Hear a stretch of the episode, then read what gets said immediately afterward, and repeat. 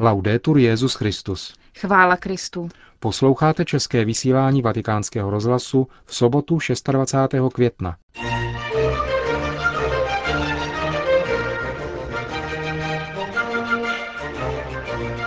Setkání Petrova nástupce a biskupů z Mozambiku. 350 mladých členů italského svazu podnikatelů bylo dnes na audienci u Benedikta XVI. A v rubrice O čem se mluví uslyšíte o svízelném postavení umírněného imáma v muslimské komunitě v italské Perugi. Od mikrofonu vás zdraví a příjemný poslech přejí nová členka naší redakce, dřívější redaktorka Rádia Proglas Markéta Šindelářová a Milan Glázer. Zprávy vatikánského rozhlasu. Vatikán. Hlásat Krista v kontextu extrémní chudoby a rozsáhlé korupce je výzva, před níž stojí církev v Mozambiku, řekl Benedikt XVI. biskupům této africké země v rámci jejich návštěvy Adlímina. Misijní poslání je pro církev prioritou mezi prioritami. Mnohé a složité jsou však překážky, které brání v evangelizaci více než poloviny obyvatelstva Mozambiku, poznamenal Benedikt XVI. ve své promluvě po pozdravu předsedy mozambického episkopátu arcibiskupa z Nampuli, monsignora Tome Makuelia. Ten při té příležitosti poukázal na to, že Mozambik, který je jednou z nejbohatších zemí na přírodní zdroje a má velké ekonomické možnosti, se přesto nachází ve stavu absolutní chudoby. Zemí zmítá všeobecná korupce a kriminalita, vykořišťování dělníků a žen, obchod s drogami i s lidskými bytostmi, sexuální vykořišťování. Předseda Mozambické biskupské konference poukázal na to, že současný mezinárodní ekonomický řád je určován nadnárodními společnostmi a globalizací. Papež vyzval mozambické biskupy, aby se v této kritické situaci co nejvíce podíleli na životě komunit svých diecézí a věnovali otcovskou pozornost podmínkám lidského i náboženského života. Aby byli na blízku svým kněžím, svým nasloucháním, vedením a povzbuzováním v jejich často svízelné pastorační službě. A aby doceňovali církevní hnutí a nová společenství oživovaná misijním impulzem. Benedikt XVI. doporučil prohlubovat víru prostřednictvím všech dostupných prostředků, katechezí mladých i dospělých, setkání a liturgií, která vyžaduje inkulturaci. Bez této hluboké formace se víra i náboženská praxe stanou povrchními, křehkými a neschopnými odporovat náboženské lhostejnosti, materialismu a novopohanství, fenoménům, které dnes dominují konzumním společnostem. Důležitá je také formace v seminářích, pokračoval Benedikt XVI., zejména tváří v tvář krizi povolání a stálá formace všech apoštolských pracovníků, kněží, řeholníků a řeholnic, katechistů a animátorů hnutí a komunit. Každý křesťan, podotkl Benedikt XVI., přispívá k potírání nespravedlnosti, povznáší životní úroveň znevýhodněných jednotlivců i skupin, vštěpuje pravou morálku, vede k toleranci, odpuštění a smíření. Na závěr Benedikt XVI. poukázal na to, že pastýři církve mají inspirovat a podporovat svobodu, která je církvi v její prorocké roli dána a zachovávat zřetelné rozlišení tohoto pastoračního poslání od politických plánů a moci. Vatikán. Respekt k důstojnosti zaměstnanců je nejcennějším pokladem podnikatelského subjektu, řekl Benedikt XVI. při setkání s delegací 350 mladých italských podnikatelů z Národního svazu průmyslníků. Zisk nemůže být jediným kritériem podnikatelských záměrů, zdůraznil svatý otec ve své promluvě. Je nezbytné, aby opěrným bodem každého ekonomického opatření bylo všeobecné dobro a uspokojení legitimních očekávání lidské bytosti. Jinými slovy, lidský život a jeho hodnoty musí být vždy principem i účelem ekonomie. Sociální učení církve připomněl pak uznává důležitost zisku, ale současně připomíná nutnost chránit důstojnost osob, které se na podnikání podílejí. Ani ve chvílích velkých krizí, podotknul dále papež, nesmí být nikdy vůdčím kritériem podnikatelských záměrů pouhé dosažení co největšího zisku.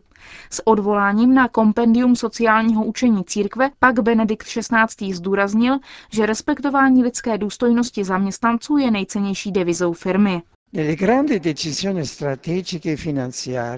Ve velkých strategických a finančnických rozhodnutích, prodeje či koupě, omezování či uzavření výroby, v politice fúzí, nelze vystačit jenom z kritérií o finanční či komerční povaze. Je nezbytné, aby se pracovní činnost mohla vždy znovu stávat prostředím, ve kterém člověk může uskutečňovat vlastní možnosti a přinášet plody svými schopnostmi a osobními talenty. A ve velké míře záleží na vás podnikatelích, abyste vytvořili podmínky, které tomu budou příznivé. Papež připustil, že není snadné uskutečňovat tento úkol ve světě, poznamenaném silnou a přetrvávající krizí, ale vyjádřil přesvědčení, že podnikatelé nebudou šetřit silami, aby chránili zaměstnanost zejména mladých lidí. Právě mládež zdůraznil, musí mít možnost počítat s jistým zdrojem obživy, aby mohla s důvěrou vytvářet vlastní budoucnost. V souvislosti s tím pak svatý otec poukázal na to, že rodina založená na manželství je nosným prvkem života a rozvoje společnosti.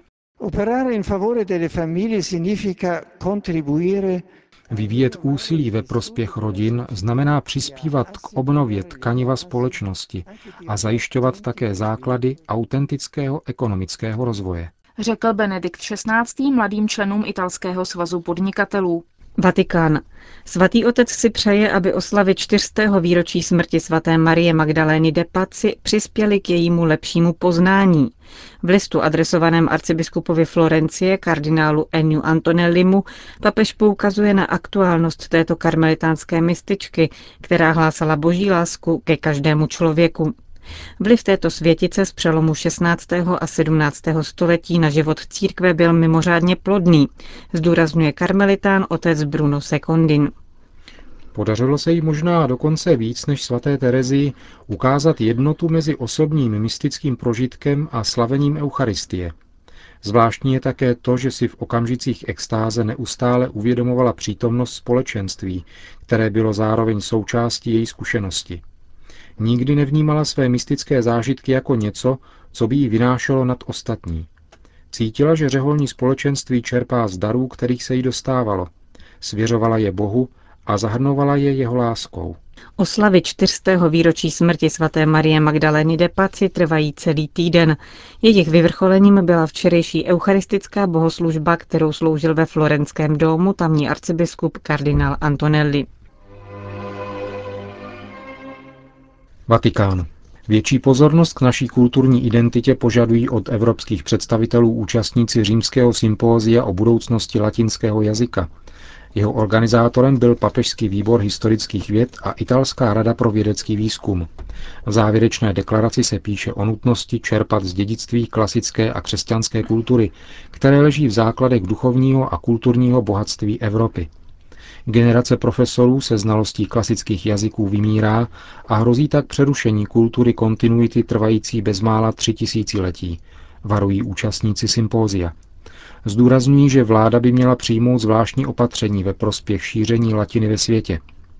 Jak poznamenal profesor Wang Huang Sheng z Čínské akademie věd, v jeho vlasti dochází spolu s rozvojem vědeckého bádání také k docenění znalosti latinského jazyka, Projevuje se to také zaváděním kurzu latiny na některých čínských univerzitách. Vladivostok. Zástupci ruské pravoslavné církve z Vladivostoku přijeli včera do Pyongyangu slavit letnice. Ve Vladivostoku studují jediní dva severokorejští pravoslavní jáhnové. Podle vyjádření Vladivostocké pravoslavné diecéze návštěva hlavního města Severní Koreje souvisí s oslavou letnic – Zítra slaví tamní první pravoslavný chrám zasvěcený životodárné trojici, který byl otevřen loni v srpnu, svůj svátek. Formace severokorejských kněží v Rusku byla povolena díky snahám Severokorejské pravoslavné komise, která byla ustanovena v Pyongyangu v roce 2002. Někteří z jejich členů se setkali s ruskou delegací a potvrdili jejich úsilí o náboženskou přítomnost v zemi.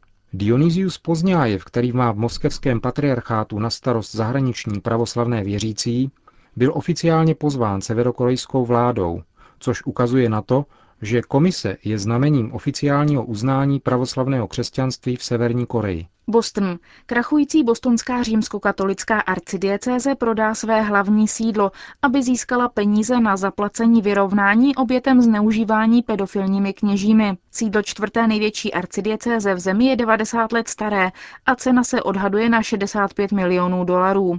18 akrů a budovy koupí Bostonská univerzita. Sídlo arcidiecéze se přestěhuje na předměstí Braintree. Bostonská arcidiecéze, která má téměř tisíci obětem sexuálního zneužívání, vyplatit celkem 93 milionů dolarů, už zavřela více než 60 kostelů a prodala téměř 50 akrů dalších pozemků. V držení arcidiecéze nadále zůstane katedrála svatého kříže a 13,5 akrů semináře svatého Jana. Bělehrad.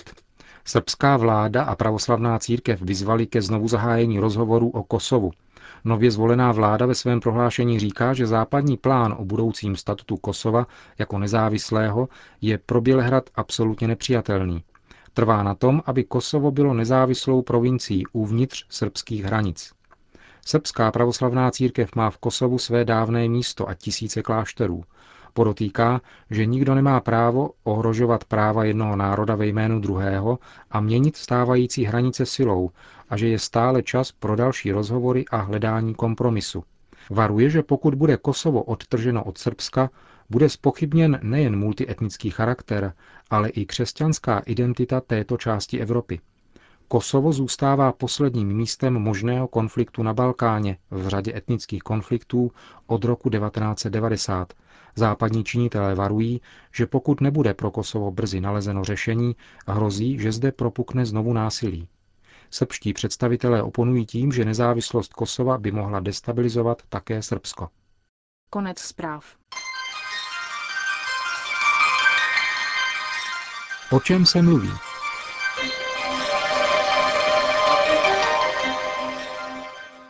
Výhrušky a zdvižený prst skupin, s nimiž se nežertuje už ani v jinak bujaré Evropě, nepřicházejí jen tam, kde jde o změny režimů, jak tomu bylo před nástupem Zapatera ve Španělsku. Stále častěji působí i v mikroklimatu každodenního života.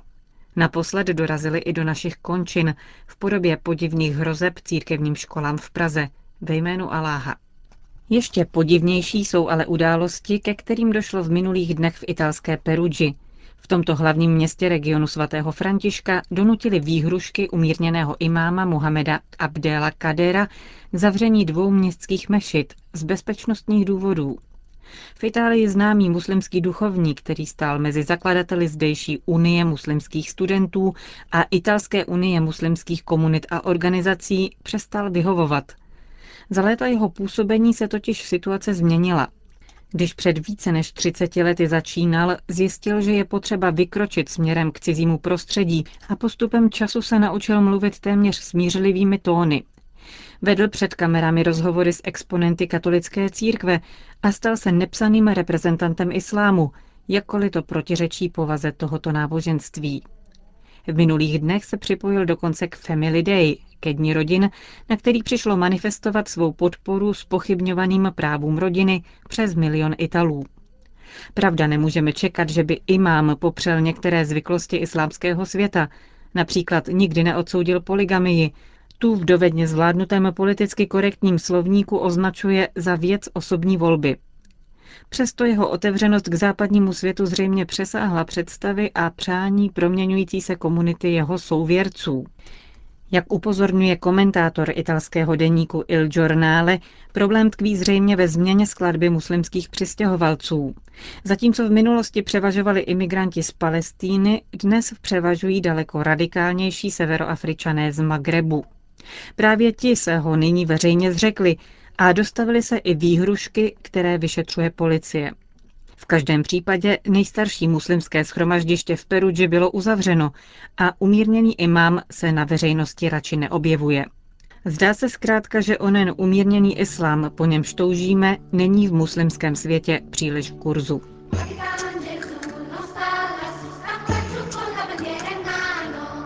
Končíme české vysílání vatikánského rozhlasu. Chvála Kristu. Laudetur Jezus Christus.